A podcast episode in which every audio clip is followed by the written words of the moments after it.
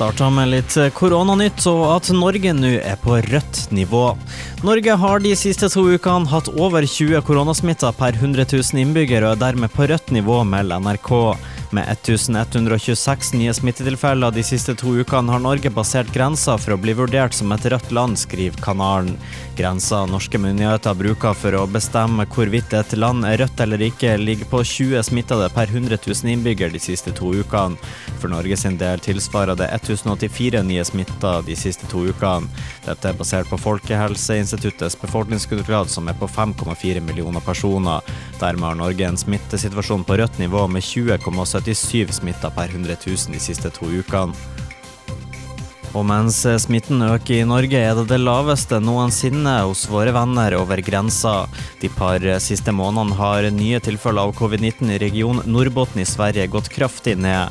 Selv om testinga har økt, er det altså færre tilfeller av sykdommen. I uke 35 slo 0,5% av testene positivt ut for korona. I forrige uke sank tallet til 0,2% Av 2894 testa personer var bare fem smitta av viruset. Det er det laveste smittetallet siden utbruddet starta, opplyser svenske helsemyndigheter. Det har ikke vært noen innlagt på sykehus i Nordbotten med covid-19 siden 25. august. Badeplassen i Nordvika har hatt et gjerde mot jernbanen som har blitt ødelagt, og dermed ikke gitt den sikkerheten de skal for besøkende til området. Det melder Fauske kommune på sin hjemmeside. Etter kontakt med Bane NOR har det nå blitt iverksatt sikringsarbeid, og gjerdet blir erstatta med et nytt og sikkert gjerde. Fauske kommune har fått flere befaringer med tema sikkerhet ved jernbaneoverganger.